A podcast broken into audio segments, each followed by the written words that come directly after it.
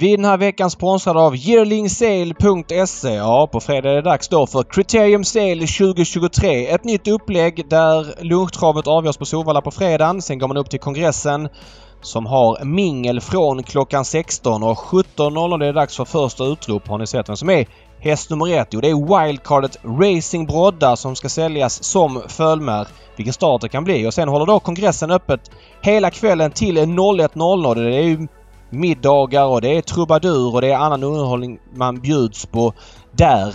Vill man sitta på kongressen med sina vänner och tjoa och tjimma under den här kvällen så är det gellingsale.se man bokar bord på. Man kan även boka bord på solvalla.se. 01.00 stänger man portarna på fredag och sen är det då den här toppdagen på Solvalla på lördag med start 14.00. Man kan buda på hästarna på plats på Solvalla men även online då till Criterium Sale 2023. Vi tackar vår sponsor gellingsale.se. Ska det bli svensk seger eller vad är det frågan om? What the horse, what the driver! Välkomna till Travpodden den här veckan. Eh, Och som ett nygammalt grepp David så har vi med oss gäst hela vägen in. Det blir, eh, ja, det blir lite kul. Det piggar upp det här ju. Det roliga med veckans gäst är att det är många som har hört av sig efter succéerna med Elitloppsnedtagningen som vi har gjort med Johan Edlund och många är inne på att oh jävlar vad han Johan verkar duktig på att tippa trav där efter Elitloppshelgen. Han har ju vinnarna i, i flera av loppen. Men tänkte vi att nu tar vi in Johan här och pratar lite så han får ta ställning inför loppen också och se om han är lika bra på det. Ja, ja, men det är riktigt. Det, det, jag tyckte ju att det var... Vi satt ju, David, under Elitloppshelgen. Var det två våningar ovanför eh, Johan och hans gäng i kongressen. Det var ju otroligt tyst vid här. Tänkte du på det David? Det var, Ja, det var var det. inga injobbningar sista 250. Då förstod man nu har Kösses lir hoppat bort sig tidigt i loppen. Men, men på Ja, de, de, de, de körde inte som, eh, som jag ville i alla fall. Nej. Nej. Men på måndagen efteråt i podden, då hade du klart för dig, det får man säga. Ja, det hade gått igenom loppen i efterhand. En viktig del faktiskt. Ja. Man måste gå igenom dem i efterhand också. Vad gick snett? Hur är det med dig Johan? Nu var det ett halvår sedan du var med och snackade ner Elitloppet. Vad har du gjort sedan dess? Ja, vad har jag gjort? Eh, jag var ledig rätt mycket i sommar. Sen var jag på friidrotts-VM i Budapest under 12 dagar. Eh, rätt intensivt. Sen var jag ledig efter det och sen har ju Svenska Hockeyligan dragit igång nu eh, och hållit på i, vad är det Kusse, en månad va? Det började i Ja. september Mm. 14 va? Så att de har hunnit åtta matcher va? Så nionde ikväll, torsdag och sen rullar det på. Så att, eh, ja, men det är ganska mycket jobb, mycket åkande och sådär, men det är kul. Eh, gällande friidrotts-VM där, när man följer bruset. Eh, när du gör hockey så är det ju en ganska smal kanal. Det är ju numera TV4, ja, före detta C More. Det är ju liksom en betalkanal. Men när du gör friidrotts-VM så är det ju bredare med TV4 och jag upplevde i mediebruset att du och A-Lennart Julin fick lite mer beröm än vad ni brukar få. Är det en korrekt bild av läget? Eh, ja, jag... Eh, Eh, ja, men jag skulle säga så här. Jag har aldrig varit med någon gång, jag har hållit på ganska länge i den här branschen, med så mycket eh, positiv eh, feedback, kritik från ett mästerskap eller vad jag än har gjort som efter det här VM och under det här VM. Det var kul såklart. Eh, och jag, jag har aldrig, aldrig varit med om det faktiskt. Det var, var Varför då? häpnadsväckande. Ja, men utvecklingen måste ju gå åt rätt hå- håll eh, för Kösse här på, på, på senhösten av, av Ja. karriären. Eller hur? Eller hur? Ja. Nej, men jag, jag, hade, jag, hade, jag hade bestämt mig innan eh, när jag åkte ner att jag, jag sa till min fru att jag ska vara jävligt bra. Jag ska göra mitt livs mästerskap. Jag ska vara jävligt noga med allting. Det är man ju normalt sett också. Men extra, extra... Eh, inte en droppe alkohol under mästerskapet. Mm, Alltså, det är lätt att man efter ett kvällspass tar en bira eller ett glas vin. Eller så, Nej, utan nej. Bara trä, träna, sova och framförallt jobba in i... Alltså det är sjukt mycket jobb på ett friidrottsmästerskap. Men eh, jag bestämde mig för att eh, vara- skulle vara, göra mitt livs mästerskap. Men ni är ju två som dansar den här tangon. Det är du och A-Lennart. Är han alltid så här bra eller vad var grejen med honom då? Eller höjde du honom den här gången just? Nja, men alltså jag, jag tror också när... Eh, jag, jag tror inte vi var så mycket bättre egentligen än vad vi brukar vara. Vi gjorde väl inte på något annat sätt. Men eh, det blir ju en annan sak när det går i en stor kanal. TV4 är ju en stor kanal där när det är prime time där på kvällarna och ligger bara och pumpar i flera timmar så, får, så är det ju fler som kollar. och det eh, blir ett större genomslag än om det går i TV4 Play eller Simor eller något sånt där. Så att, eh, men jag, det, är, det är inte bara jag och Lennart, det är ett helt team med redaktörer och bildproducenter och allt sånt där som, som jobbar ihop. Man, det är ju ett väldigt tajt gäng eh, för att det ska bli bra. Fattar. Ja, spännande. Tycker Kul. Du, tycker du att det är eh, lika roligt Johan nu som det var när i början när du drog igång? Eller eh, vad, vad känner du kring den biten? Eh, vilken sport tänker du på? Ja, men egentligen all kommentering i sport som du gör. Ja, men jag tycker fortfarande att det är kul. Jag har lite sagt till mig själv att uh, när jag uh, inte riktigt förbereder mig, jag är inte uh, där så att säga, då, då ska jag sluta. Och jag vill hellre komma på det själv än att någon annan ska säga det. Så att, men jag, jag, tycker fortfarande att det är väldigt roligt. Så att, sen finns det ju nackdelar. Det är ju, vi som bor i Stockholm har ju en bit att åka till närmaste SHL lag. Eh, vi har 20 mil enkel väg till Linköping det närmast eftersom Djurgården inte tog sig upp och, och, och Brynäs eh, halkade ner i Hockeyallsvenskan. Så att resandet tar ju lite tid av en, det ska jag säga. Det, det är väl nackdelen. Men eh, annars tycker jag att det är jättekul jobbat. Med eh, åren där eh, med V75, vad pratar vi, 00-talet framför allt. När vi jobbade mycket ihop. Då kändes det som att eh, du inte längtade efter de här Rättvik en lördag, eh, Jägersro en lördag, Åby en lördag och så vidare. Men nu är du lite där igen, eller? Ja, en, en, eh, en bra synpunkt faktiskt. Jag, jag, anledningen till att jag slutade med trav eh, var väl att jag var otroligt less på att åka och pendla runt hela tiden där, precis som du säger. Eh, varje lördag och ibland fick man åka fredag och sådär. Men nu är jag ju där ändå och åker tors, tisdag, torsdag, lördag i stort sett. Men jag hade några år när jag inte åkte där. Eller av var det 11 eller av? När ja, 11. Ja. Så, så, hade jag några år när jag inte åkte utan hade mer en så här äh, administrativ roll. Eh, och då, det, var, det var jäkligt nyttigt. Dels var jag less på mig själv. Eh, dels var jag less på att åka. Eh, så att, eh, det behövde jag. Men nu är jag, jag tycker det är kul. Men resandet tar mycket tid alltså. Det, så är det. Förra, i, I förra veckans podd av Travpodden så hade vi Bengt-Erik, professor Larsson, som gäst. Har du lyssnat på det avsnittet Johan? Jag gjorde faktiskt det nu i morse när jag var på gymmet. Så, körde jag, så lyssnade jag på, på, på professor. Ja, det finns ju så Alltså det är så sinnessjukt mycket stories runt den där tiden när vi åkte runt. Uh, Ja, professorn var ju en del av det. Du också Kösse, jag också. Det var ju, ah, fy vad roligt vi hade alltså. Det var äh, galet. Var, ja, var, jag vet inte om ni drog den storyn, men var inte ni i Kalmar på någon V75-gång där ni trillade in på ett bröllop och var liksom, ja, det... agerade som bröllopsgäster? Vi kanske drog den senast, eller hur var det? Ja, men jag tänkte säga, har vi dragit den i podden en gång tidigare för, för våra stackars lyssnare som inte ska behöva uppleva den? Ja, men då, då, då, då skiter vi den. Men eh, en fråga där Johan. Du sa att du har jobbat mycket i sommar, varit ledig eller jobbat med friidrotts-VM och sådär. Har du varit på någon trav? Eh, no, Elitloppet var jag på. Sen har jag nog inte varit på trav. Jag var på um, Solvalla här nu i eh, kriterie och uttagningarna faktiskt. Du var det alltså? Ja, med min äldsta dotter Elsa Gaiter som var väldigt eh, förtjust i att gå och kolla lite på hästar. Hon håller på att rida lite grann så hon tyckte det var kul att vara där. Så att, eh, jag, hängde, jag var bara på stallbacken, jag var aldrig på publikplats. Men jag hängde där och surrade med lite folk och så. så det var trevligt. Satt du i Jörgen Westholms vagn och tog några GTs? Vagn? Nej, vad är det? Vad är det? Husbil?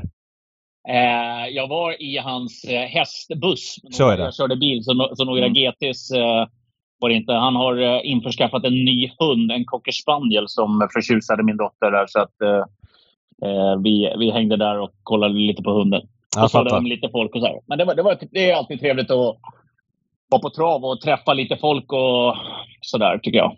Mm. Den obligatoriska frågan. Vi kommer ju prata mer om Solvallas superdag här på lördag. Kommer du gå till Solvalla på lördag? Nej. Jag Oj. är i Övik. Jaha. Mm. Och, och kör en utav eh, hundra omgångar av SHL med mycket nerv i. Ja, så är det ju. Så är ja. det. Nej, det är klart att eh, jag eh, gärna hade varit på Solvalla. Den, den här lördagen är ju... Ska man någon gång gå förutom... Ja, det är klart jubileumskvällen är ju jättefin också, men ska man någon gång gå så är det väl för att uppleva sport av absolut... Nu är det jackpot på V75 också, men för att uppleva sport som eh, i stort sett aldrig har varit i Sverige förutom vissa få tillfällen så är det ju nu på lördag man ska kika ut på Solvalla, självklart. Det var aldrig aktuellt att slå Erik Westberg, den före detta Kanal 75-VDn och numera TV4 Sportchefen en signal och säga du, eh, där den 14 oktober, jag skippar gärna Övik för att gå till Solvalla. Nej, det var, det, var, det var inget alternativ. Det, det, går ju också att se loppen även om jag är i Övik, David. Du vet att det funkar så. Jo, så är det ju. Men det är inte samma grej när det är de här bra dagarna. Det är kul att träffa lite folk och så vidare. Men eh, ja, jag förstår dig. Eh, du har ett uppdrag som du, eh, vad ska man säga, tar väldigt seriöst på och eh, ja, det är bara att köra på. Eh, jag, jag, tänker så här Kösse, på, på, på, på, lördagar så har ju du eh, har ju ni den här grafiken som kommer upp att nu är det dags för V75 2 till exempel. längst ner som en stripe i era hockeysändningar. Då säger du så här. Mm, alldeles strax startar V75s andra avdelning på Jägersro och så släpper ni det där. Där borde du kunna briljera lite mer, lägga ut texten i alla fall en eller två rader till och bara säga det här är storfavoriten, 80 procenten på V75. Mm, ska han palla trycket eller inte? Du måste kunna måla och ge travet några extra eh, sekunder i det där ögonblicket. Jag lovar att göra det på lördag i uh, Örnsköldsvik i TV4-matchen. Modo mot uh, Örebro så lovar jag att säga någonting om den avdelning som kommer upp. Jag, lovar. Det, det, det har jag ett löfte på. Ja, för där vill jag faktiskt också flika in och säga Lasse Granqvist som också är väldigt travintresserad eh, och äger mycket travhästar. Han är lite bjussig där ibland. Nu kollar inte jag på hockey så ofta men när jag har hört någon sån här övergång så är känslan att han ändå har en redaktionell eh, intresserad fråga. Ja, in, ja, exakt som redaktionell take. Men, men Johan bjussar inte på den utan han är lite, lite mer kort där. Vill ja, inte han liksom... vill att man ska stanna kvar i hockeyn såklart. Ja. Ja. Får inte, får inte bygga det för mycket. Nej. Ja, jag, jag, jag, jag lovar på lördag. lördag. Lördag kommer det något. Ja, men, mustigt. Mustigt. Ja, men spännande. Eh, som vi brukar göra i den här podden så brukar vi blicka tillbaks. V75 avgjordes på Bodentravet i lördags. Vad har vi för kort sammanfattning? Där sa jag inte take, Åsa. Sammanfattning av den omgången. Jag, jag, träffade ju Johan faktiskt. Jag fick ju chansen att se honom i, här i Leksand faktiskt i lördags. Vi hade ju hockeymatch precis när V75 eh, avgjordes ifrån Boden. Och jag vet ju att du säger det till mig David, att den här podden är till för att du ska läsa på och titta igenom omgången. Jag, jag, jag, jag har tittat igenom loppen har jag gjort. Eh, men inte lagt ner jättemycket krut på den V75-omgången kan jag säga. Den Nej. kändes ganska kall också måste jag säga. Uh, ja, jag, jag, kan hålla med om det. V752 där som Jamie Sisu vann. Jag vet inte hur många sämre V75-lopp i år vi ser sportsligt än ordinarie lördag. Ett väldigt svagt lopp där många galopperade och eh, ja, det var hästar över hela upploppet. För att inte prata om V754 där Olli Håleryd vann. Eh, hon vann ju med 100 meter ett, eh, vad var det, försök till diamantstort och det är klart att det var ihåligt som det ofta är den här årstiden i Norrland. Den här omgången avgjordes på Skellefteå-travet tidigare tidigare. Jag vet inte riktigt varför eh, Skellefteå då fick en V86 på sommaren mot att då Boden fick köra den här omgången. Jag gissar att det har att göra med att många Boden-tränare plockar prispengarna från Skellefteå-omgången och därmed ska de få slippa resa till Skellefteå. Att man lägger omgången i Boden istället. Vi vet ju att David Simmer gjorde ett evenemang runt den här Oktoberfesten som eh, av folk jag har hört som var där var väldigt lyckat. Men vi måste ändå vara ärliga och säga att den sportsliga kvaliteten var väldigt låg. Eh, och eh, många många på sociala medier som tyckte att, eh, ja men ska de köra V75 eh, om de här prispengarna med så dålig sport och så vidare. Jag lägger ingen värdering i det. Hela Travsverige måste leva men vi kan bara konstatera att sport, den sportsliga kvaliteten var låg. Jag vet inte vad, ja. vad Johan säger där som, som såg loppen. Ja, jag, jag, jag, har ju scrollat igenom dem också. Johan satt och kommenterade men jag, jag har ju sett de här. Du nämnde Olli Håleryd. Johan, i sulken där sitter 196 centimeter Ove Ander. Ja, det är underbart ändå. Han har följt hela mitt liv, höll jag på att säga. eh, men när, jag började med trav eh, väldigt tidigt, då var ju han och eh, höll på i um, på Umeåker. Hans pappa och mamma eh, höll på med hästar. Eh, sen har Ove varit runt lite. Han har varit i Örebro, han har varit på Mantorp, eh, Boden eh, och nu är han i Skellefteå. Då. Men man gläds ju ändå till att han vinner. Han är ju lite så frispråkig och lite halvkaxig. Um, han har ju aldrig varit någon tränare egentligen. Det, det får jag väl lov att säga. Men som kusk, vass, framförallt på kallblod. Merrar som han kör första gången eh, där uppe i norr. Eh, men Olle Hålleryd har ju han och Anke Frisk, hans sambo, gjort ett jättejobb med. Alltså, den kom ju till dem när hon var fyra. Va? Eh, och hon har ju latchat hem. Okej, okay, jag håller med dig David. Det var ju ett otroligt dåligt lopp eh, i lördags. Som hela omgången var ju väldigt skral. Men eh, jag tycker det är kul när han, när han lyckas. Och han har ju fogen då. Är man kaxig och lite innan sådär och säger att hon nu ska vinna och hon ska gå under 10 i sommar och allt möjligt vad det är. Eh, så vinner man med, mycket vann med 50-60 meter så mm, har man väl ändå ja. levererat på något sätt. Ja, ja. Hon behöver inte be om ursäkt för, för hennes prestation för den var jättefin. Nej. Nej. men sen, sen, sen angående att V75 är uppe i Boden och det är eh, kritik från tränare söderut. Det är ju valfritt att åka dit också. Alltså, man åker ju, hästarna åker ju ganska vettigt. Det, det, är klart att det är en lång resa upp, men det går ju att åka dit och tävla om man nu tycker att eh, det är lite tunnare, vilket det ju oftast är.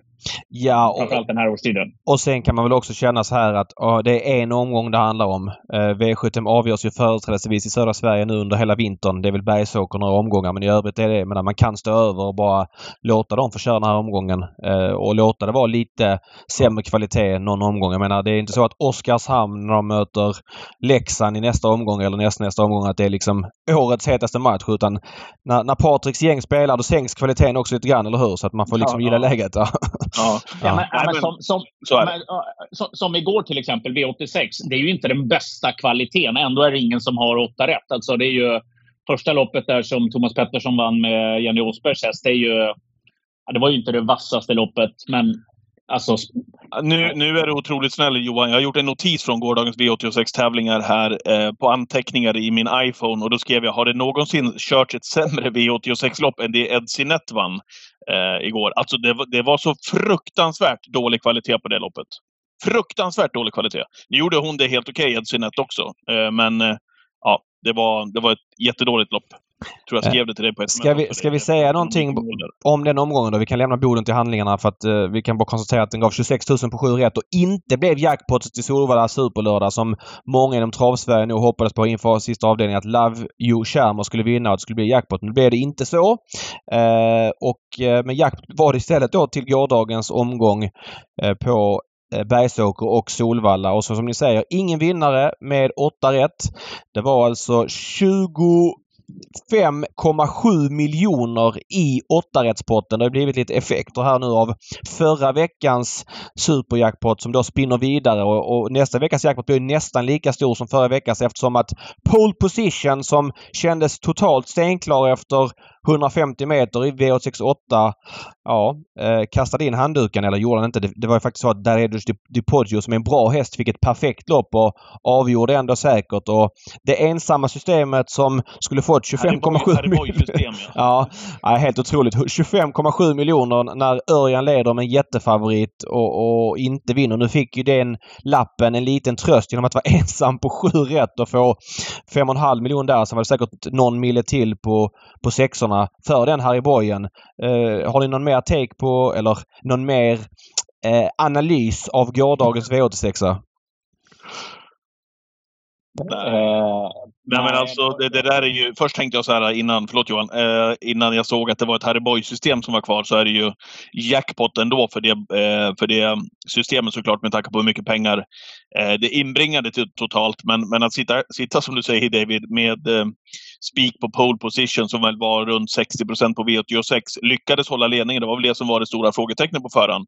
Om man ens skulle hålla upp innern och sedan fick eh, ja, men egentligen bestämma så som man ville. Att han inte vinner det där loppet och, och delar ut nästan 26 miljoner kronor till en ensam pottare. Det, det måste ju svida även för en Harry Boy-spelare. Men jag tänkte att först att det var ett större system, ett jokersystem, något ja, som satt med det där. Då är det ju otroligt snopet att åka dit i sista steget mot Race Podio.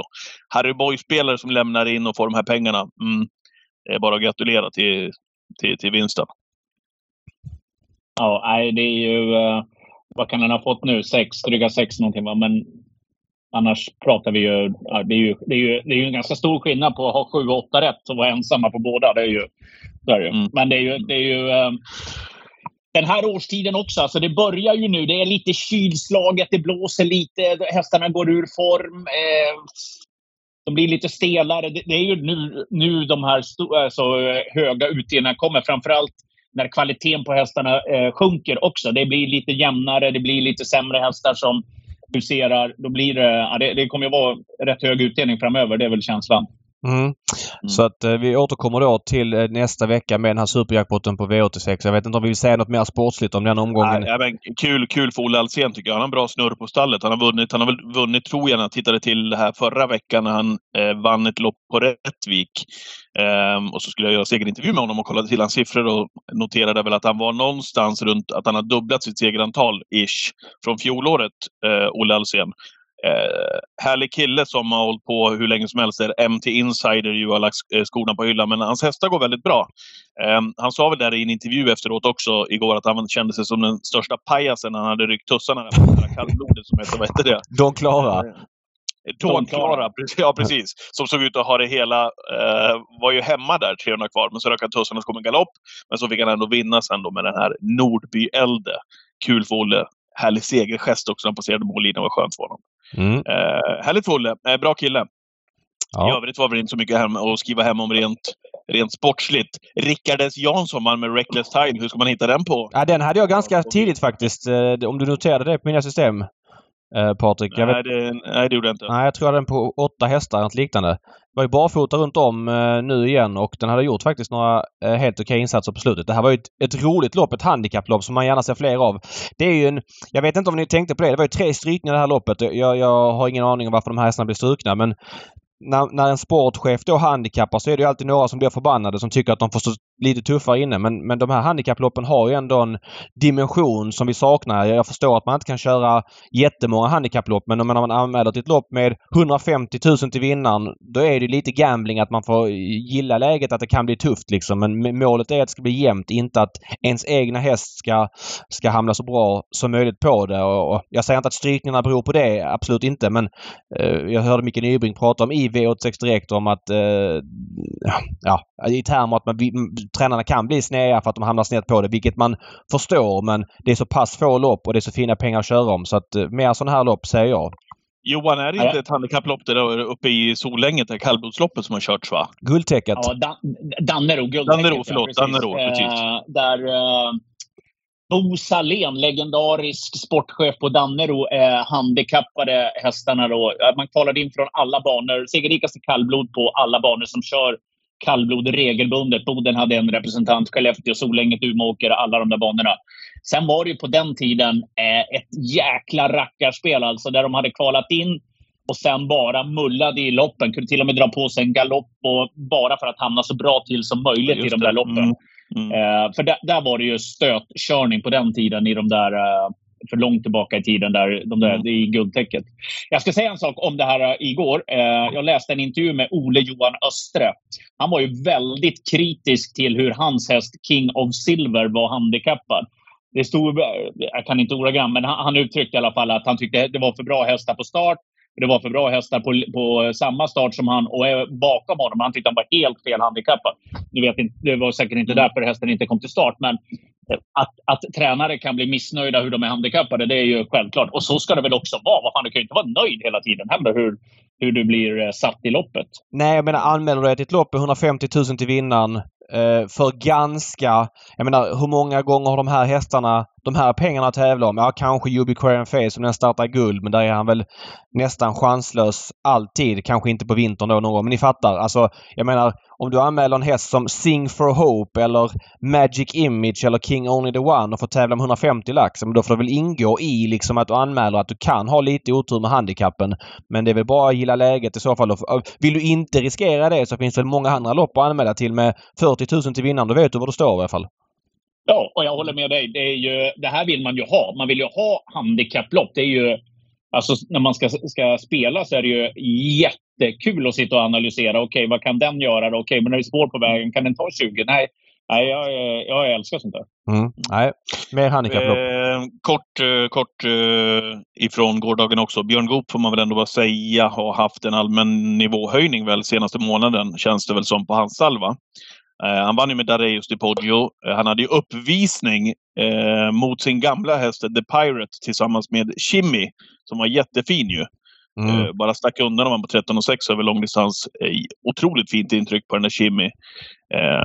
Eh, spikade The Pirate gjorde jag på det unika systemet David. Eh, fick nöjas med andra platsen. Får väl ändå ge honom godkänt för prestationen. Ja men Kimi gick ju likt näst senast år på Åby när han var helt enorm och bara sprang runt om. Eh, gick han ju barfota runt om och med jänkarvagn och senast var det väl nog kanske en ren preparé inför det här loppet. Det var ett vanligt lopp på Färjestad med 25 000 till vinnaren. Nu var det 80. Ja. Eh, och, och, det är helt klart att man har laddat för det här loppet och hästen var totalt överlägsen. Spikade också Global Above All i den sjunde avdelningen, men det hjälpte ju föga med tanke på hur, hur övriga omgången såg ut igår. Men, men, men allmän nivåhöjning får man väl ändå säga. Vann ju också med Jaskal där förra onsdagen till exempel. Ja, och alltså tittar man på, på uh, tränarlistan, uh, topp 10. Björn Goop ligger femma. Ändå tycker man att ah, mm. Så, mm. ah, ja, han ligger femma och har kört in 18,2 miljoner. Framför sig har han Redén, Malmqvist, Untersteiner, Wäjersten. Mm. Uh, jag håller med dig, jag håller med dig Johan. Det är, det är, det är, bra siffror. Och ändå har han ju ingen... Ja, det är klart, San Motör står på hans lista. Så man har ju ingen, och i Frankrike är han tävlar, men det känns inte som att fransk, ingen svensk lyckas ju särskilt bra i Frankrike i, i de stora loppen. Så att, eh, det är lite i skymundan tycker jag ändå han hade dragit in 18,2 miljoner. Det, det, är bra gjort. Ja, samtidigt har han 150 hästar på listan. Nu är ett par av dem ja. ett och två år och, och han har ju... Eh, om man tittar på tidigare år så, så han körde in 40 miljoner där pandemiåret och fick en väldigt mycket italienska hästar som stod billigt in i loppen som ja, men hade lekstuga på V7. Sen året efter 30, sen förra året 22 gick ju Olle bort förra året och det är klart att det inte hade en positiv effekt. I år då 18. Jag vet mm, inte... Lite färre starter har det varit. Ja, men genom de här. Så är det, så är det. Men det är väl ungefär som förra året så att, eh, ja men som förväntat får man säga att ändå ett stort och bra material. Men jag håller med dig Johan. Känslan är att det har inte varit så mycket på V7 utan det har kanske varit lite mer i, i andra sammanhang som man inte riktigt uppmärksammar på samma sätt. Nej. nej. Um, ska vi uh, ta lite travnyheter bara innan vi pratar lördagens V75-omgång? Uh, jag vill höra er um, analys eller några ord om följande saker. Robert Berg lämnar nu Bergsåker. Har du, har du blivit progge leader? Ja, men jag känner det för du, du driver inte programmet framåt så jag får göra det i så fall. Precis. Uh, Robert Berg lämnar Bergsåker nu verkar det som. En gång för alla. Det har varit många turer fram och tillbaka men ska nu bli Åbytränare. Jag läste på Expressen här precis att de sista hästarna lämnar gården i är det Matfors va? för att åka ner till Hajom. Eh, och jag vet inte om han kanske har bättre chans att sälja gården i Sundsvall än nere i Hajom. Känslan är ändå att det gått lite bättre för Berg på slutet. Där den här SM-dagen eh, förra helgen var lite pricken över i. Vad säger ni om det här då? Att han verkar ha landat i att det blir eh, Åby till slut? Ja, för, för hans egen del så måste det vara otroligt befriande att slippa ha ångest över två gårdar där han inte riktigt vet vad kommer att vara min framtida bas. Kommer det vara Hajom eller i Töva? Eh, och, och, det är ju det är ganska dyra kostnader eh, som läget är nu mm. ekonomiskt. Eh, så att, eh, för hans del tror jag att det är väldigt bra. Men samtidigt måste han ju få sålt gården i Sundsvall. Det mm. är ju, måste ju vara prio ett. Men för hans egen del att bara känna lugnet nu bor jag här, nu, har jag, nu blir det här Hajom. Nu är det, nu är det här jag ska hålla till. Det tror jag eh, kommer att bidra mycket till, till eh, hans välmående. Och mår han bra så kommer ju han att lyckas bra i, med hästarna också. Så att bara positivt tror jag. Mm. Mm. Ja, vad säger Patrik? Nej men verkligen. Jag tycker också den senaste tiden här också att det har ju varit, jag menar apropå nivåhöjning så känns det ju ändå som att han är på väg att hitta tillbaka någonstans där, där man är van att se Robert Bergs hästar. Jag vet att du, du och jag Johan pratade ofta om det här när det var dags eh, för de lite större loppen när vi jobbade ihop också. Att det går liksom aldrig, att, det går aldrig att räkna bort Robert Berg eh, för att han hade en otrolig förmåga att ställa i ordning och det vi fick se av Power här för någon, för någon vecka sedan till exempel är ju, är ju där man vill ha Robert. Det är, där, det är där man är van att se honom också. Jag tycker liksom att rent generellt också, även på landsortsbanorna här på sista tiden, att det är pusselbitar som är på väg att falla på rätt plats. Och det här är väl kanske en stor del i det också, att, man, att han hittar en, en gård och har den som en utgångspunkt och kan jobba därifrån i lugn och ro. Jag tror att det kommer smitta av sig, precis som ni är inne på, på, på allt. Personal, eh, han själv inte minst. Eh, så otroligt skicklig tränare som man verkligen vill ha i toppen ju och jag tror att det här ger i alla fall för, förutsättningar för honom att vara där. Men helt... Hur många hästar? Hur... Ja, kör du. Kör. Nej, men helt klart är det att han har hittat vilken gård han vill sälja och det är tydligt och det verkar vara mer lättsålt där uppe i Sundsvall. Så att, så att jag vet inte om han har fått sålt den, hel, den än eller att han känner åt att det finns en spekulant att han kan bli av med den. För att det måste ha hjälpt till i beslutet. Och även då att Kristoffer Eriksson ska sälja, hans svärson ska sälja den här gården i Skåne, Lottentorp och hyr in sig på Hajom vilket gör då att Hajoms många boxar kommer till, eh, ja, men, utnyttjas på ett annat sätt vilket gör, ger hela rörelsen bättre ekonomi. Eh, Han har just nu 61 hästar på listan. Det är ju ganska lite historiskt sett för att vara Robert Berg. Ja, verkligen. Det är, eh, det är väldigt få det. Eh, och han har ju också ett resultat, en resultatinriktning de senaste åren. Alltså 19, 20, 21 låg han på 30, 34, 32, 33. Sen 18 förra året. I år 11,3. Men det har ju blivit en... Drar du ner på hästarna och du inte ligger på 150 längre utan ligger på en tredjedel av det. Då blir det ju sämre resultat också. Och han har ju rätt många unga hästar. Mm. Eh, Men sen är frågan då vad händer eh, där uppe med den gården? Eh, Bejersten, kan han vara aktuell? Ska han ha två gårdar där uppe? Nej, det tror jag inte. Eh, Jag, Nej. det känns inte så. Jag vet inte om det är någon så här typ Oskar Berglund-variant som... Jag, jag, det här är ren spekulation, jag har ingen aning. Men han måste ha fått några signaler på att gården där uppe har eh, spekulation. Ja. Ja. Mm. Eh, ja, det, det, är, det är möjligt. Det är ju, sen blir det ju ännu roligare att kolla de här loppen eh, på Åby och de banorna eh, när, när Robert är där och tävlar också mot Untersteiners Verkligen. och hela, hela den, den klicken av skickliga tränare som finns där. Och så har du Open Stretch på Åby också. Så att, det blir ju ett lyft för Åby. Det skulle jag, om, jag var sportchef där, så skulle jag gnugga händerna ordentligt. Mm, Mm. Ehm, och sen har vi lite USA-flyttar. Jim Oscarsson, också på tal om att vela fram och tillbaka, har ju varit i USA i början på 10-talet där han hade Han vann ju Peter Horton Memorial med A Perfect Yankee och var väl tvåa i Mariana Bell med, vad heter hon nu, Volo-hästen? Iron Maid va? Iron Maid Volo och hade Nuncio som tvång och så vidare. Helt plötsligt från ingenstans eh, får man läsa i tidningen Sulkesport att Jim Oskarsson har ropat in lite hästar i Lexington och kommer ha en filial där borta i Florida. Det, det- känns ju lite stökigt. Du, är ju, du har ju bra kontakt med um, stallet där Familjen. på, på ja, familjen Oskarsson, Patrik. Jag, jag, jag, jag trodde det. Ja, du trodde? Ja. Ja, det här, okej. Ja, men vad har vi för... För har gått bakom- ryggen på det. ja. Ja, precis. Nej, min, eh, min fru eh, Li är ju eh, mycket, mycket god vän med eh, Jims, Jims fru, eh, Mm. Susie Oskarsson. Eh, men jag, hade inte hört det här. Eh, jag har inte hört någonting om det faktiskt. Nej. Men eh, man kan väl säga så här rent generellt. Vi kommer väl till det också David, eh, med Reijo Liljendahl, eh, som också pratade om de här termerna då att flytta till USA. Eh, att jag vet inte vad ni tänker kring det där, eh, men det känns ju som att de knappt hinner landa, våra svenska tränare där borta. Du nämnde Perfect Yankee, Iron Maid Wool och det var andra framgångar som han hade där borta. Eh, vi ser Marcus Melander eh, och hans framgångar. Eh, Åke Svanstedt inte minst. Det känns ju som att de knappt hinner landa eh, med flygplanet innan framgångarna eh, drar igång där borta på amerikansk mark för de svenska tränarna. Ja, det är ju ingen Det- svensk det tränare som har, som har åkt över och misslyckats. Det är ju Nej, inte känslan. känslan. Nej, känslan. och vi hade ju Marcus Melander här, jag vet inte när han gästade, om det var förra året. Och han var ju, ju väldigt trötta, konkurrensen. han var ju tydlig med att många amerikanska tränare uppfattade det som lite lata. De åkte dit och körde ett jobb och sen var de klara för dagen liksom och så vidare. Och, eh, ja, men det, det är helt klart att den amerikanska hästen är, är generellt sett bättre än den svenska. I varje fall eliten. Det är ju liksom ingen snack om saken. Men det är klart att man kan ifrågasätta bredden på den amerikanska tränarkåren. Det, det är befogat och nu ska Jim då åka tillbaks igen. Jag tittar faktiskt på Jims siffror häromdagen och det har ju inte gått speciellt bra. Det måste vi vara ärliga och säga. Även om Kevin då står på vissa hästar. Jim är alltså nere på 5 i segerprocent. 2 miljoner inkört. Han hade 5,7 2019. Ja, det är färre hästar och vissa står på Kevin men det är inte, jag vet inte vad er känsla är där. Det känns inte som att Jim Oskarsson sista ett och ett halvt året har eh, ja, men att det gått sämre. Eh, tycker jag spontant. Jag vet inte vad ni säger där. Jim eh, har ju varit otroligt duktig, hela familjen där, på att ta fram eh, ja, men någon topphäst känns det som mellan varven här hemma i, i Sverige.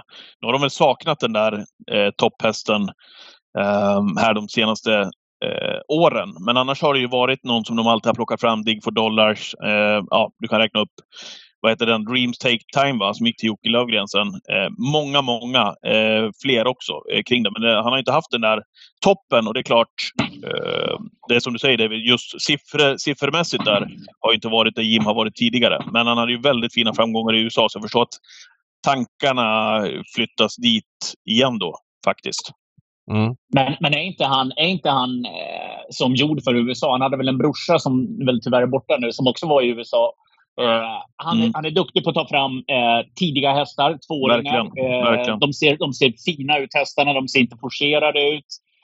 och på ett ganska begränsat material stammässigt. Han höll ju på med sina egna märrar. Ding for Dollars är väl efter någon märr som han hade. Jag kommer inte ihåg vad de heter. Var det Good Golly? Nej, det var det inte. Ja, ja jo, men något sånt. Be Hun eller Good Golly eller vad de hette.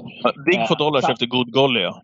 Ja, så att han, på, på alltså inte de här värsta stammarna så har han ju tagit fram jättefina hästar genom åren. Som, och de ser fina ut. så att eh, Han känns lite amerikaniserad också i sitt sätt tycker jag. Alltså Jim. Så jag tror att han kommer, det är väl helt rätt att göra det. Vad är gammal? Han är född 61. Han är 62 år gammal på ålderns höst lite grann.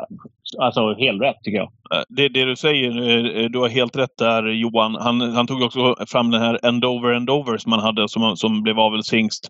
Som lämnade då Dreams Take Time till exempel. Don't Tell Me Anymore som tjänade 2 miljoner. Mr Perfect nästan 2 miljoner. Mr Perfection nästan 2 miljoner. Uh, och så vidare. Så att jag, jag håller med dig. Med, med eget material skapat ja, men, bra hästar. Och framförallt ja. tidiga, fina hästar.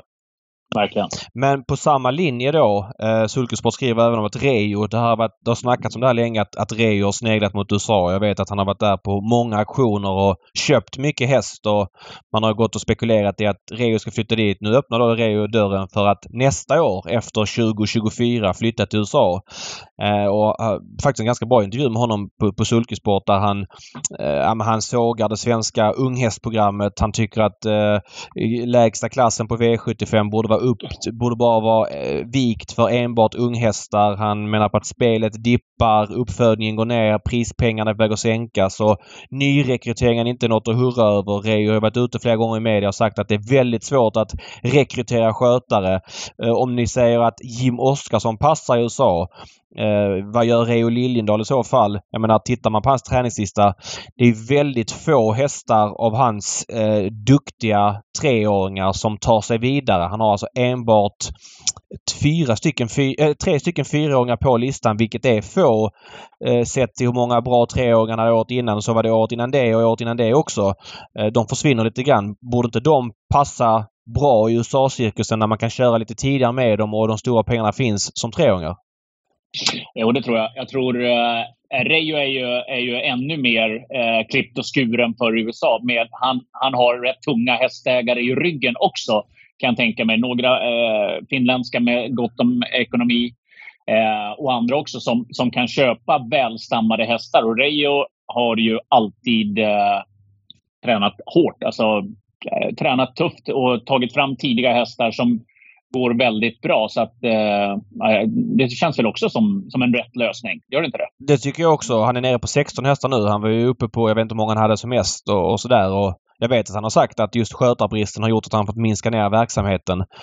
Eh, känslan är också att det har gått Alltså hans äldre hästar har ju känts i många fall lite mätta, så, så tufft innan när de har fått mycket pengar på sig som unghästar. Och Reijo är inte rädd för att dra växlar tidigt vilket ja, till exempel då kan ge en seger i treårseliten eh, med en häst som Epsom As. Men känslan är att han fick betala ett pris i slutet på, på säsongen då hästen inte alls har haft samma form. Sen om det beror på att hästen gick med jänkarvagn när han vann, eh, ja men där började gå med det i, i maj eh, eller någon annan grej. Det har jag ingen aning om. Men, men det mönstret har man ju sett tidigare att man drar växlarna tidigt. Jag vet han hade den här som, vad heter den, Rocket Tile som var väldigt bra förra mm. året som utmanar Barack Face på en mm. eh, hög 12-tid som treåring och i princip försvann efter det loppet. Um, så att jag, känslan är att ja, men, många av de här grejerna som Reo säger med att det är för lite pengar som unghästar i Sverige. Jag håller inte med om det. Jag tycker att den svenska modellen är väldigt bra eh, om man ser det brett. Jag menar vi har kriteriet på på söndag med, med 4 miljoner till vinnaren och, och vi har haft eh, långa E3 som är premiechansat på 2 miljoner på sommaren och vi har eh, ja, men treårseliten, Elitloppshelgen med en miljon. Eh, och då har jag inte nämnt liksom alla de här serierna på Solvalla med vinterfavorit och vårfavorit och Margaretas tidiga hungerserie. Så nog finns det pengar, tycker jag, sett till hur hela tävlingsprogrammet är utformat. Sen kan man ha synpunkter på det men, men eh, ja, han sneglar ditåt i varje fall och man är inte direkt förvånad över det. Nej. Nej, nej det är man ju inte. Uh, verkligen. Ja, men han, han, Reijo är ju något äldre då än Jim också. Reijo fyller 68 i år. Så ska han någon gång göra det så börjar ju klockan ticka på för att, att ja. eh, ge det en chans. Ja, ja men så är det.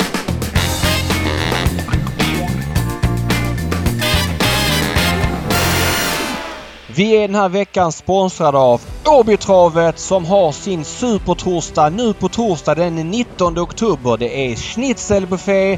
Man bokar detta på åbytravet.se. Kommer ni ihåg att det är först till kvarn för att det kommer bli fullt. Man kan även få en gratis stallbacksvisning på Åbytravet om man anmäler sig.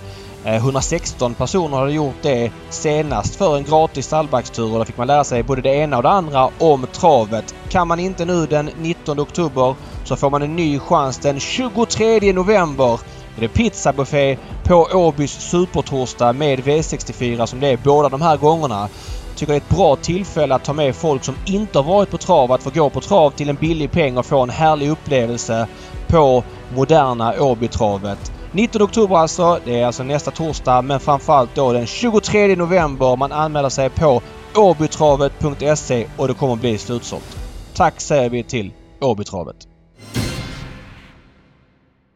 Solvalla tävlar om 28 miljoner på lördag. Det är mm. ett rekord i Sverige för prispengar. Jag vet inte om det var europeiskt rekord också. Eh, det kan inte jag svära på men känslan är att det borde vara där uppe. Eh, jag tror det. Att det är den travdagen i Europa som någonsin haft mest prispengar. Man kör 14 lopp. Det är den så kallade superlördagen, kriteriehelgen som tidigare var en ja, fredag, eller lördag, söndag först. Sen var det fredag, lördag, söndag. Nu är det alltså fredag, lördag bara. Bara kort, vad tycker du om upplägget? Uh, men, jag har ju vidrört det tidigare så att uh, våra, våra poddlyssnare har väl, har väl fått det till sig redan. Jag tycker att det här är ett uh, fantastiskt upplägg. Det är ju här, alltså det här är ju, vad ska man säga, essensen av all travsport egentligen. Att kunna samla alla de här eh, topphästarna på ett och samma ställe under en dag. Det är ju ja, det, det, det, riktigt, riktigt kul faktiskt. Och piggar ju upp den här hösten också. Det är, nej, jag älskar det upplägget och även att man inte gömmer undan, eh, även om det varit klassiskt i många, många år, men att man kör till exempel Ehm, kriteriet på söndagen där och, och så vidare. Det här känns, det här, här känns helt rätt i tiden tycker jag. Sen känns det kul också att eh, alla tävlingsdagar inte ser likadana ut. Den här börjar 14.00. Man börjar med V65. Det börjar med klass 1 och klass 2-finalerna. Eh, bara en sån sak. Och sen så har vi då Europaderbyt och ja, vad heter det, eh, UET Elite Circle-finalen som tidigare hette Masters Trot som kommer gå då varannat år på Solvalla, varannat år på Vincennes. Samma sak då med Europaderbyt som nästa år går på Vincennes men om två år tillbaks på Solvalla. Så det gör ju att den här tävlingsdagen får lite extra eh, glans. Vad säger du Johan? Eh, nej, men jag tycker också att det är ett helt rätt eh, upplägg. Jag tycker fredagen funkar alldeles ypperligt. Söndagen, framförallt i Stockholm, en söndag med kriteriet Oaks. Alltså det, Ah, nej, det lockar inte. Alltså, det är så mycket annat. Eh, det kan vara allsvensk fotboll. Alltså, mm, jag tycker det är superbra. Och att det blir just det här trycket. Att det inte bara... Det är ju så otroligt många bra lopp. Alltså, till och med, eller till och med, men även V75-finalerna som ligger utanför kupongen, Lozano de Quattro till exempel, det är ju Alltså det, varenda lopp är ju så att man wow, det här måste jag se om man är nu är travintresserad. Man vill ju inte missa ett enda steg som tas på Solvalla. Mm. Då, vill man, då vill man inte vara i Övik. Som sagt, det går att kolla, det går att kolla även i Övik. Vad, vad spelar ni på lördag då? Ja, vi kan väl... Uh, jaha, du menar Leksand, förlåt. Timrå borta. Timrå borta. Ja, ja. Det, det så kallade Ulf Olsson-derbyt för Patrik. Uh, vi ska säga det också att du sa att det var jackpot. Det är 5,7 miljoner tror jag det är extra i V75-potten. Det är en liten jackpot. Den kommer ju från att man de här extra omgångarna som var med derbykvalen, derbyt eh, norska klasselöpsdagen och jag tror även Margaretas jubileumspokalsdag jackpottar därifrån skulle gå till den här dagen och det blev bara norska klasselöpsdagen som det blev jackpot på 500 på V75 vilket gör att det är en ganska klen jackpot men ändå bättre än ingenting alls. Ska vi bara ta en en eh, genomgång kort då av V75 sportsligt kanske i första hand. V71 då, vi kan, loppen utanför kan vi passa för det blir väldigt långt annars. Men V71 då 2,8 mm. miljoner till vinnaren i UET Elite Circles-finalen. Vi har alltså ettan från Elitloppet. Vi har de delade tvåorna från Elitloppet. Det kryddas med ett par andra eh, bra formtoppade hästar. Sen har vi några kanske utfyllnadshästar. Vad säger ni om det här loppet? Uh, ja, men otroligt häftigt. Att det dessutom körs över medeldistans tycker jag höjer eh, kryddan ännu mer. Men eh, en, en liten, liten point här bara. Man har ju kvalat in till det här då, i diverse andra eh, lopp under säsongen. Jag, jag, tror att många är ganska slitna. Va? För att må, mm. många av de här som är med har ju eh, varit långt ute i tassemarkerna i resultatlistorna i storloppen. Mm, så är det och vissa hästar verkar inte kunna bli slitna. Vivid Vaisas, jag vet inte om nej, det finns nej. så många, många hårdare hästar i världen. Han har gjort 86 starter. Han var i USA nu senast och tävlade på stenhårda Jonkersbanan och vann VM-loppet med fem millar till ja. vinnaren och nu ska han ut här och Ja men vissa hästar är ja, men, hårdare än andra helt enkelt. Ja så är det. Men, men jag, jag är inne på Johans linje där också. Jag har ju svårt att se ändå, eh, med tanke på Hörnek, hur han såg ut senast. Eh, visserligen efter uppehåll, hade vi inte startat sedan i mitten av juli månad dessförinnan, men så som han såg ut, nu är de ju mästare på att köra preparé och, och se till att de ska vara i ordning inför ett sånt här lopp, men att, att han ska vara, ja precis, så att, nej, barfota va? Ja, han gick med skor senast. Ja, senast, ja precis. Ja, ja. Ehm, även om han ska gå barfota nu så är det svårt att se att han ska vara i närheten av det han levererade när han var här under Elitloppshelgen. Så att jag har ju en sån har man ju ändå känsla för att han inte kommer vara på samma nivå. Det såg det i alla fall inte ut så senast, måste jag säga. Nej. Sen kan, eh, det, det, jag har svårt att se den i alla fall, att det ska bli sån markant eh, nivåhöjning eh, inför starten nu på lördag. Vi ska säga det också att eh, de som har kvalat in, de som var över den här listan, har ju fått välja spår först. Vilket gör att de bästa hästarna har bästa spåren. Men eh, om jag får dra er på något tidigt V75-streck eller en vinnare eller liknande, vad, vad har ni för slutsats i loppet? Mm. Nej, men då får du power av mig med, med anledning av det jag precis sa. Det intrycket han gör senast, det ser ju inte ut att vara slutsålt. Robban pressar inte ens honom sista 300. Han har ju aldrig varit så fin som han var senast. Så med anledning av det, mycket tidigt på 7% Jag tror att han kan göra en liknande prestation nu på, på lördag. Uh, ja, jag, jag, tycker att det finns frågetecken kring Vivid Vaisas, även om han är uh, stenhård. Han har ändå varit i USA. Det är en, det är en lång resa. Uh, han har ett bra läge. Gomboyer, frågetecken på formen. Onek tycker jag såg mer död än, än levande ut senast. Mm. Eh, Sammotör vet man inte heller. Säkert, säkert väl förberedd, det, det, tror jag. Men det är ett dåligt läge. Ja, skulle du köra kan... bakifrån nu också vad Johan lät som ja. igår på, på V86 ja, direkt när Björn Goop gästade studion. Han var ganska... Ja, men han kändes väldigt confident i det upplägget. Ja, men är inte det spännande att få se jo. han smyga med i ryggar och komma 400 kvar? Han kan ju... Absolut. Ja. Men, eh, Admiral As tyckte jag var jäkligt bra senast när han vann, eh, det var väl Åby Stora va? Eller han vann i Eskilstuna, men Åby Stora innan mm. det. Den har ju form.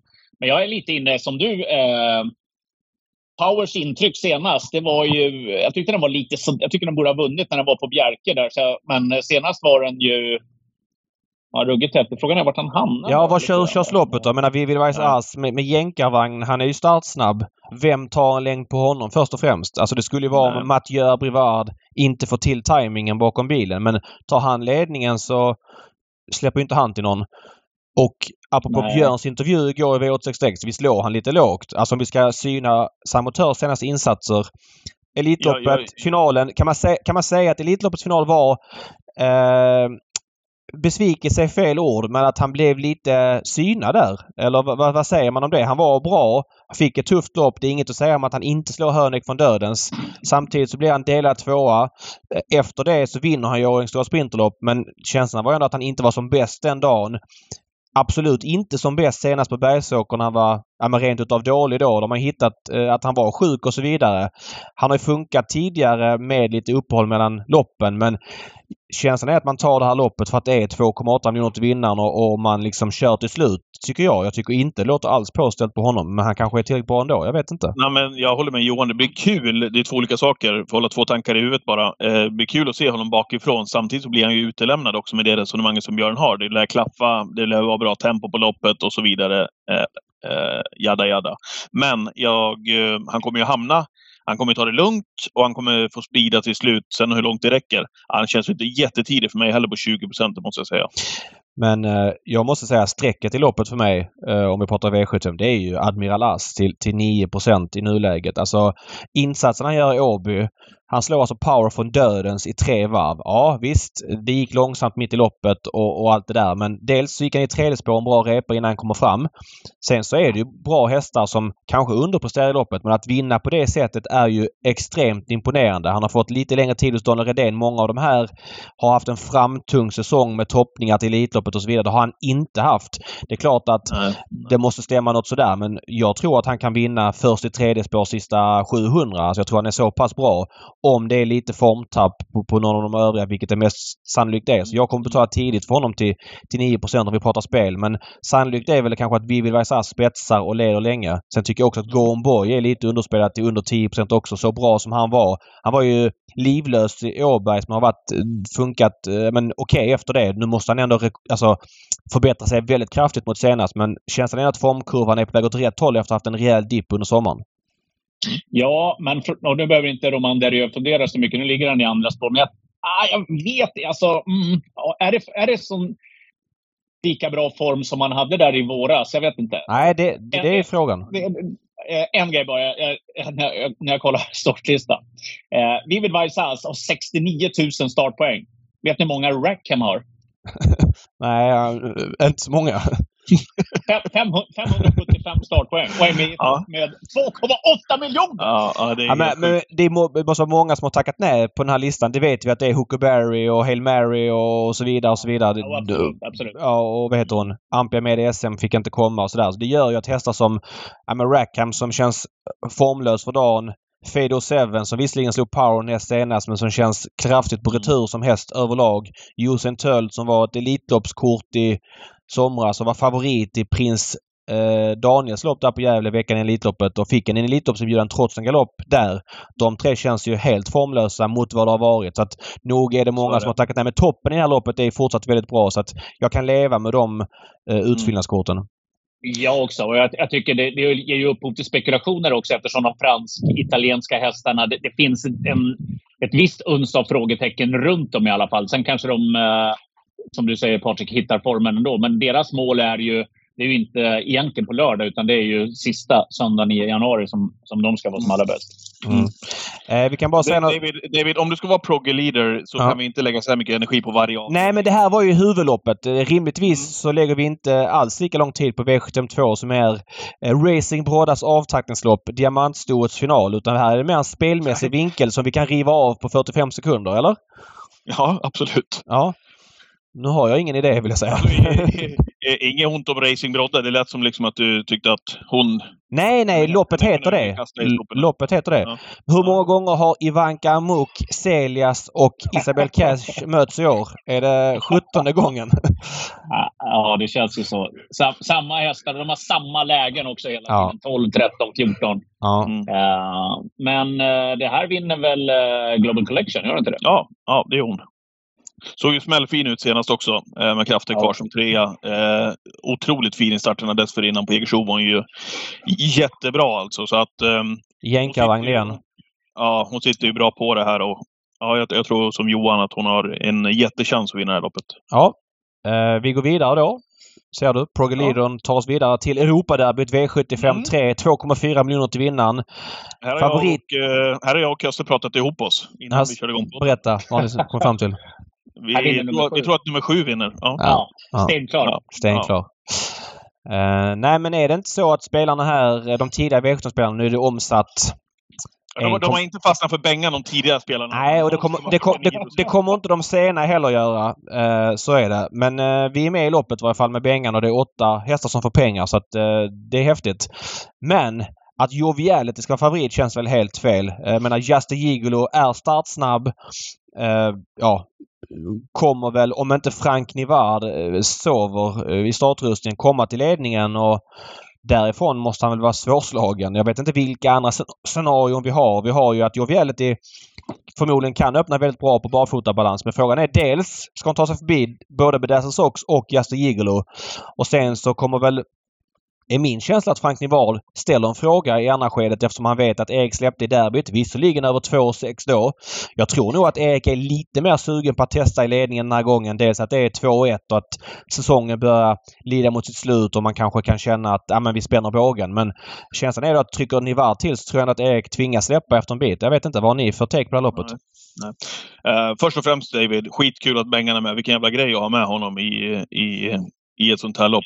Och han var ju faktiskt jäkligt fin senast, det måste man ändå ge honom. Vad, hur, om man ska vara helt ärlig då, hur, hur långt sträcker sig dina förväntningar? Det här är mina förväntningar, det är inte stallet. Jag, vet inte, jag har inte pratat med Daniel och, och Wäjersten som kör eller skötaren. Så jag, men min förhoppning är ju pengar. Så är det ju. Ja. Jag tycker Bengan har eh, varit väldigt bra i ryggar överlag. Det är ingen häst som ännu har sprungit ifrån honom. Eh, och sådär. Så att eh, klart bättre i ryggar. Så det handlar om att ha lite tur med löpningsförloppet såklart. Eh, ja. och, och jag, jag, tror att får han ryggar hela vägen så, så kan han nog avsluta bra och eh, nå en prisplacering. Det är åtta som sagt som får pengar. Ja. Så att det är där förhoppningen är. Så är det. Eh, jag var ju på plats på Åby och fick se Bengan senast. Men jag fick också se Bedazzle Sox. Som jag har haft fast han har varit så bra liksom, och levererat i stort, sett i, i stort sett i alla lopp i alla fall hittills i karriären. Eh, så har jag ändå haft så svårt att ta mig till honom, eh, ta med honom till mig på något vis. Men var inte intrycket senast på Bedazzle Sox 5 plus alltså? Han såg ruggigt fin ut. Ska han bara vara på 5% i den här finalen, eller? Ja, Ja, han, fick, han, han tog ledningen, han ryckte undan. Sen är han, han är ju, jag ska ska man säga, bekväm sista biten. Joviality plockar ganska många med. Alla plockar på honom sista biten. Mm. Men han är startsnabb, han får ett bra lopp. Uh, ja, jag vet inte. Jag, jag, har, jag har egentligen lite så här, aldrig tagit till mig Bedazzles också. Nej, inte jag heller. 5,8 miljoner, ja, mm. slutet av fyraåringssäsongen. Det är väl jättebra, men nej, jag vet inte. Men, men jag får ställa en, en, fråga. Hur tänkte kretsen här då? Jag blev uppmärksammad av det här när jag lyssnade på Spelvärldens podd här i veckan. Uh, Justin Gigolo får välja som häst nummer ett. Man väljer alltså spår två. Uh, Filippa Allaire där. Sen får alltså Bedazzle Sox välja som tvåa. Och där tar kretsen alltså spår tre utvändigt om Justin Gigolo. Eh, som, ja, är start, så, ja. som är startsnabb och tar inte innerspåret. Jag menar, nu går man all in på att ta ledningen och köra där. Men du, dels, du är 100% att det var så? Var det? Ja, 100% säker. Yasin Gigolo först, sen valde man som tvåa. För mig är det en blunder av kretsen bakom hästen att man inte väljer ett. Dels att få ja, men garantera en löpning på innerspår eh, och, och, dels att han må, måste ta sig förbi ja, men startsnabb Jaster Gigolo och eh, vi ska även säga det att ettan eh, Joina Sport är också snabb ut. Ja, mycket märkligt där. För mig är det en blunder. Har han galopperat från spår 1 någon gång? Ja, han har det i kriteriet. gjorde han ju det. Så att ja, visst, ja, nej, men, men, absolut. Men ett sånt här lopp måste man väl chans till. Jag menar, Bedazzled Sox är väl en häst så han är 5 på V7. Jag, jag, säger inte att det speglar segerchansen. Jag, han är startsnabb men men nu måste man ju ladda järnet och att inte komma förbi Jaster Gigolo och med Joiner Sport som mest troligt att täpper till där bakom. Äh, för mig blev det konstigt i varje fall. Att man gör det. Ja, men, jag, jag, jag, köper det också, absolut. Och, och, och open stretch dessutom, och även om han inte går i ledningen så får han ju ett, han kommer ju tjäna otroliga pengar även om han inte vinner. Vad sa du? Open stretch? Nej, inte, på Valla, inte på Valla. Nej, förlåt, förlåt, förlåt. Jag tittade på förra loppet. Nej, ja. inte mm. sorry. Nej. Eh, nej, men han kommer att få ett bra lopp. Eh, ja. Och kanske inte luckan kommer. Det kanske är så man resonerar. Jag vet inte. Ja, nej, och det får vara så. Sen är ju ägaren, Lennart Ågren, han vill ju vinna loppen. Och, inte för att jag tror att han har haft så mycket att säga till om. Eller han har nog inte gjort det när gäller spårlottningen. Men för mig är det totalt sett konstigt. Men eh, här måste nog Justin Gigolo bli favorit. Eh, spontant. Så jag vet inte vad jag var... Johan från spår 8 med Denso Brodde. Känns som att hans formkurva pekar lite neråt. Dels fick han ju jobba på honom rejält på Mantorp där i början av eh, augusti för att vinna i loppet. Sen så eh, tvåa i derbykvalet och gick han väl såklart bra bakifrån men galoppen i derbyt och, och senast fick han ändå ge sig från ledningen som fyra. Eh, ja, han är ju startsnabb men går det alltså spår åtta på Valla är ju Nej. dåligt alltså.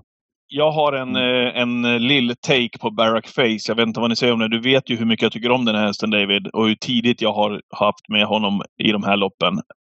Men eh, han såg ju inte som bäst ut i derbyt. Då var det, hur långt var det däremellan? Var det 14 dagar ish, eller? Försök och final, ja. Mm. Ja. Sen fick han då efter derbyt en liten, liten paus för att komma tillbaka senast och se mycket bättre ut. Då hade vi gått 27 dagar, va? Ja. Och nu har det gått, eh, vad blir det? Två 14 veckor. dagar? Ja. Två veckor, ja. Räcker det för honom att komma ut och vara bra igen, i ordning, i skick, att trava 100 procent? Mm, jag har gjort en liten... Eh, jag funderar kring det där. Det är inte, jag är inte helt... Det kändes som att han behövde de där dagarna. Eh, plåstra om såren lite grann för att komma ut senast med en, ja, så, så bra som han är igen. Jag vet inte vad statusen är nu på lördag. Nej. Nej. Eh, känslan är att han är den som eh, tagit över rollen som kung, kulletta. Det är klart att Joviality med segern i derbyt blir det, men Barrack Face har ju stått för enorma prestationer här. Både i försök, final, men framförallt senast. Så att, nej, det här loppet blir väldigt roligt men, men totalt sett Mm. så landar jag att Just a Gigolo måste bli favorit, annars blir jag förvånad. Ja. Eh, vår, vår vän Linkan, Anders Lindqvist, såg jag uttala sig. Vad sa han, tror du, Kösse? Linkan, han brukar, hålla, han brukar hålla på de franska hästarna. Det, kan man, det, det är sen gammalt. Mycket märkligt om inte Just Gigolo blir favorit, sa Linkan. Ja. Sen vill jag bara säga det att Star McCrow till 4 är inte det lågt med tanke på avslutningen senast? Mm. Intrycket på Nevermind dem över mål Ja. senast. Ja. Ten, står han tufft in i loppet? Han tjänar 340 lax. Han är i klass 2. Joviality har tjänat 23,6 23,6 miljoner. Ja. Ja. Ja, Ja. vi får se. Jag vill se om Linkan har rätt. Jag är, jag är inne på att han är inne på, på rätt linje, Linkan. Eh, V754. Svenskt travox mitt i allting bara med en och en halv mille till vinnaren. Premiechansat vilket innebär att vinnaren då får 3 miljoner. Jag gissar att alla är premiechansade här. Favorit 5 Granger. Vad säger ni här? Eh, ja, men jag tyckte nog att eh, Greiner var... In, ja, det är bra att vinna, absolut. Men det var inte så att det gnistrade tyckte jag i försöket. Absolut Nej, inte. kör, undrar om han körde lite för långsamt, Johan. Undrar om det är alltså liksom att det blev... Att hon inte är den där superspeediga typen. Hon ser ju inte ut som den där kvicka hästen liksom, utan mer att om man hade dragit... Jag vet inte. Eh, bara en tanke om man hade dragit i lite tuffare tempo, om det blev enklare. Ja, ja möjligt. möjligt. Eh, men eh, det, det är ju ändå, man, man går ju ändå efter intrycket i försöken. Vad vill man se? Man vill se en häst som ändå antingen avslutar bra eller går i ledningen eller har full spänst över mål, gärna med krafter kvar. Du vill inte se... Nej. Man, alltså, jag vet inte. Dial Square var ju inte långt Nej, och, och eh, känslan här är att dels, jag satt 100 meter från mål och Mats drar i huvan ganska sent för att han tror att de ska gå undan utan huvan. Och Mm. Eh, att han behöver dra huvan i försöket, det sa han själv. Nej, det, är väl därför hon vinner också. Ja, men jag, jag, han säger att jag vill spara den till finalen. Eh, hon, för mig, hon går visserligen med jänkarvagn då för tredje gången men med skor runt om medan ett par andra av konkurrenterna ja, men, kör barfota, har kört barfota sedan tidigare. Att hon ska vara så mycket mer spelad, hon är ju 28 procent nu, det känns väldigt märkligt. Det här är ett jättejämnt Oaks. Och ja, jag kan inte liksom Du säga... nämnde Dial Square. Eh, nu har hon ju blickat 12, men eh, som du säger, tog ju enormt på Granger senast. Barfota runt om växlar man ju upp henne för första gången. Eh, hon på 4 känns ju känns ju hyperintressant tycker jag. Sen tycker jag Knickers Sisu också med läget som hon har eh, är supertidig. Jag, jag fastnade faktiskt för en häst eh, när jag såg försöken där.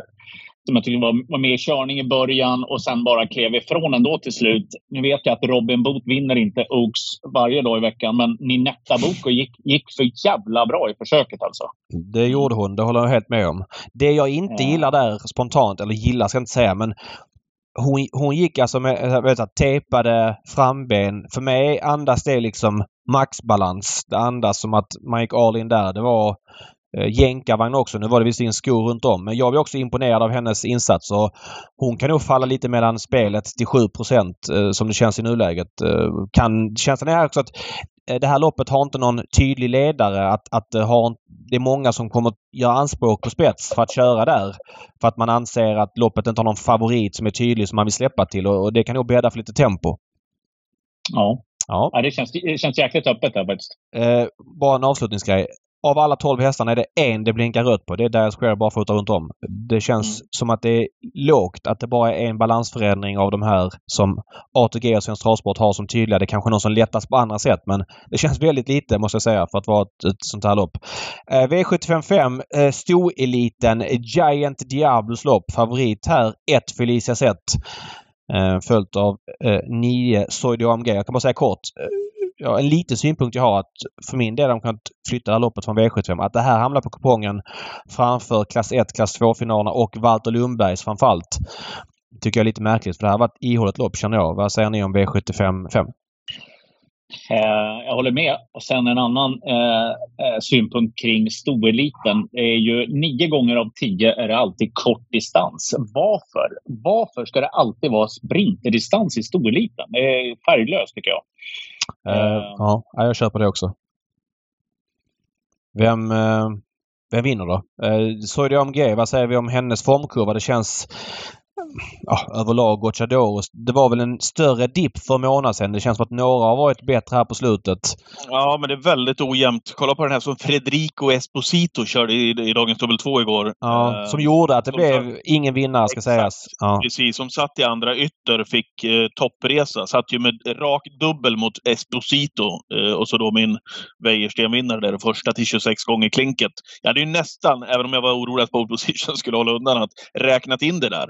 Eh, den hästen tog ju tokslut på tre steg och jag tror Esposito plockade till och med ut det gjorde han, men vad skulle han ut i tredje ja. göra? Men nu är det ju Magnus som kör ja, det, Soidi. direkt i alla fall. Men ja. hur som helst, det, det, är, det är väldigt upp och ner. Mycket mer upp och ner än tidigare. Nu vann ju Soidi senast igen. Uh, var inne och kollade på hur Glamorous Rain öppnar när de trycker iväg henne. Jag var inne och tittade på henne för tre starter sedan hon hade innerspår. Då är hon ju faktiskt ganska nära att hålla ut uh, i Matra Am första 300 meterna men blir av med spetsen då. Så hon kan ju öppna. Så att först tänkte jag att Soidi kommer hamna i femte ut här.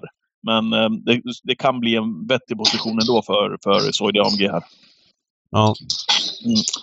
Ska vi lämna med, med, med tanke på att Glamorous kan öppna alltså. Ja, Felicia Zet fick ju tufft upp senast. Frågan är hon tog den insatsen mot Great Skills på Åby. Mm. Känns ju knappast... Jag vet, jag vet, inte vem som vinner. Nio vinner ju om hon är, om hon är mm. Men 85 procent. Ja, frågan är om hon är det. Eh, V75 6. Svenskt travkriterium. Två millar till vinnaren. Premiechansat mest trott fyra till vinnaren. Favorit blir väl ändå fyra Our Pride. Vad säger vi här?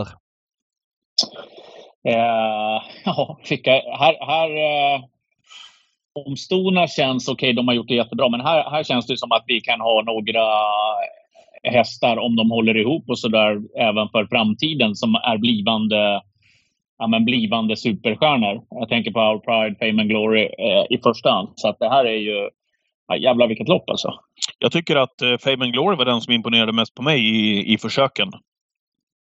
Det var det. Såg, ja, det var det. Han, ja, ja, jag tyckte han såg bättre ut. Jag tyckte också faktiskt, i små, visserligen väldigt små nyanser, att Our Pride inte såg lika fin ut som han har gjort Nej, och det är intressant. För, för, och det tyckte mm. inte jag heller. Och jag tyckte framförallt i svängarna att han hade lite problem där.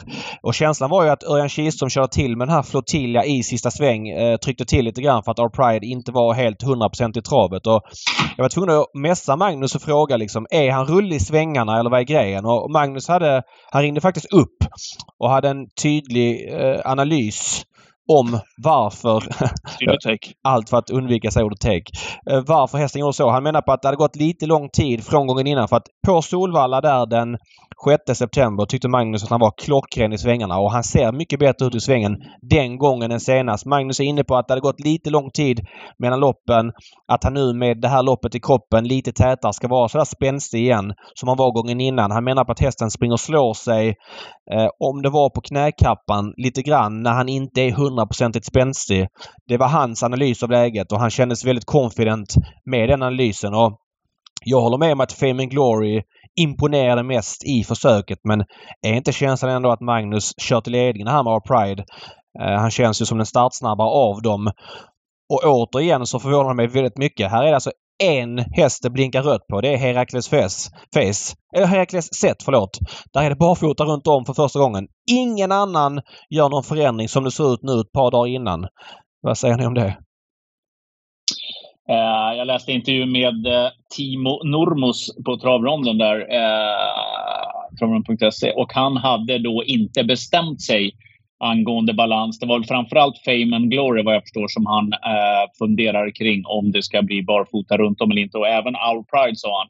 Jag ska köra sista jobbet med dem och bestämma. Så det kanske, men annars är det ju märkligt att det bara är en häst som, eh, som det blinkar rött på. Det är rätt många som går med skor. En, två, tre, fyra, fem går med skor runt om. Och kolla eh, vanliga vagnar. Sex med vanlig vagn. Mm. Ja, det, det känns... Ja, det, det, det är anmärkningsvärt. Ja. Eh, och sen jag vill bara säga det kring, kring Fame Glory där David. Eh, jag trodde ju mycket på Frank SH i, i det här försöket. Jag tänkte att loppet skulle bli kört så som det blev, men jag trodde inte att Fame Glory ändå skulle klä av honom så enkelt ifrån den positionen faktiskt. Det var ju tidigt grepp kopplat, även om Frank SH inte var slagen med, med 50 meter så var det ändå tidig kontroll för Fame Glory. Ja, jag har varit ruggigt imponerad av honom. Jag tror att de får vara bra om de ska slå honom helt enkelt. Mm. Såg du vad, vad Fredrik Persson har sagt efter det, att, eh, efter det där försöket? Frank Ja, ja. Glory? Jag såg det, men du, du får gärna berätta.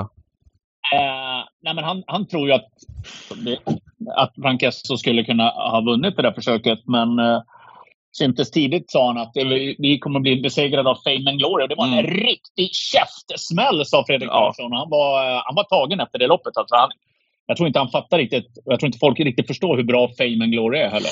Nej, han menar på att han trodde att han hade en potentiell kriterievinnare i Frank SH. Och så är det bara Ja, det någon tror som, som, som slår honom i försöket. Och hästen som slår, han går alltså med vanlig vagn, skor eh, och, och sådär. Så att eh, jag håller med. Jag fick, han kändes lite uppgiven får man säga i den intervjun. Även om jag inte tror att Frank SH är borta med ett annat lopp. Liksom. Han har visat att han funkar bra bakifrån.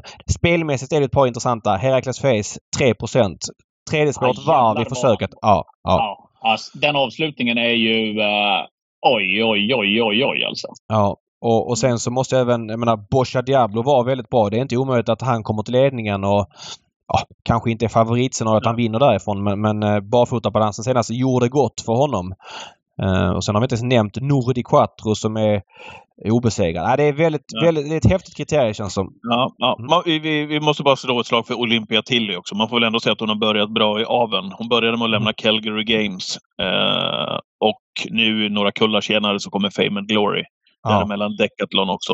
Eh, det är alltså ett syskon för er som inte hade koll på det. Fame and Glory till självaste Calgary Games.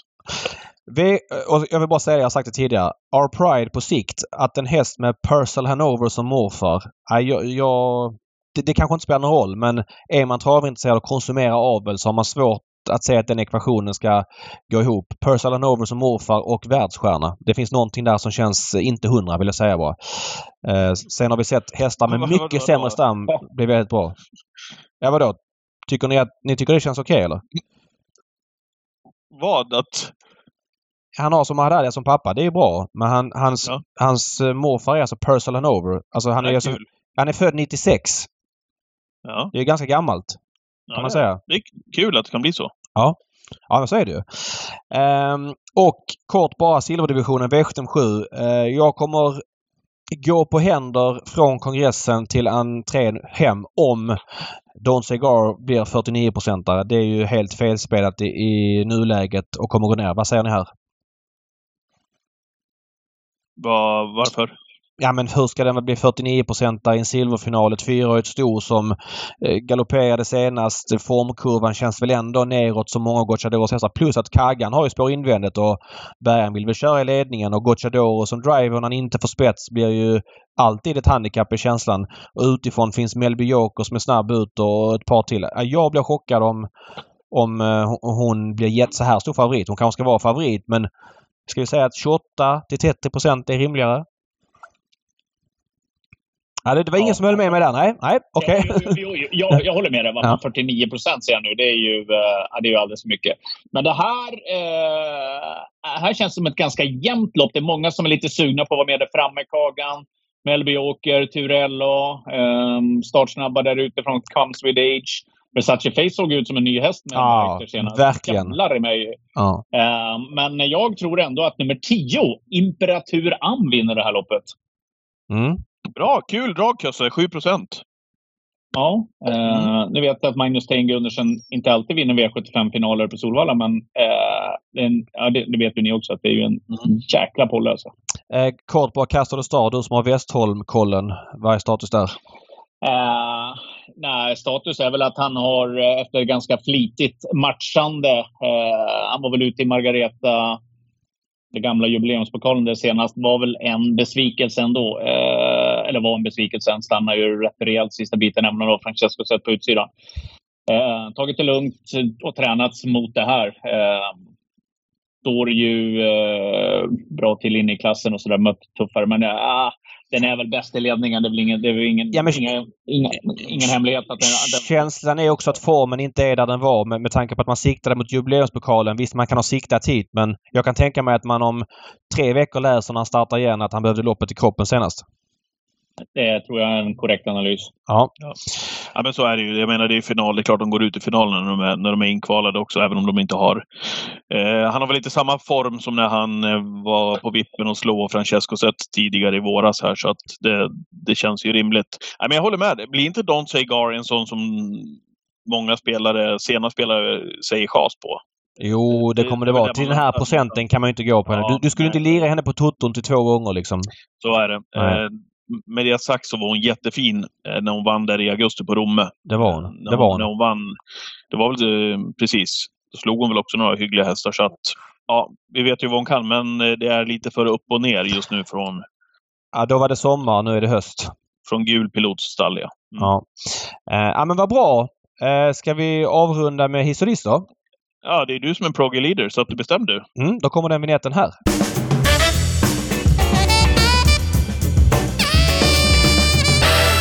Och ja, vi ska hissa och dissa. Jag har ju en hiss.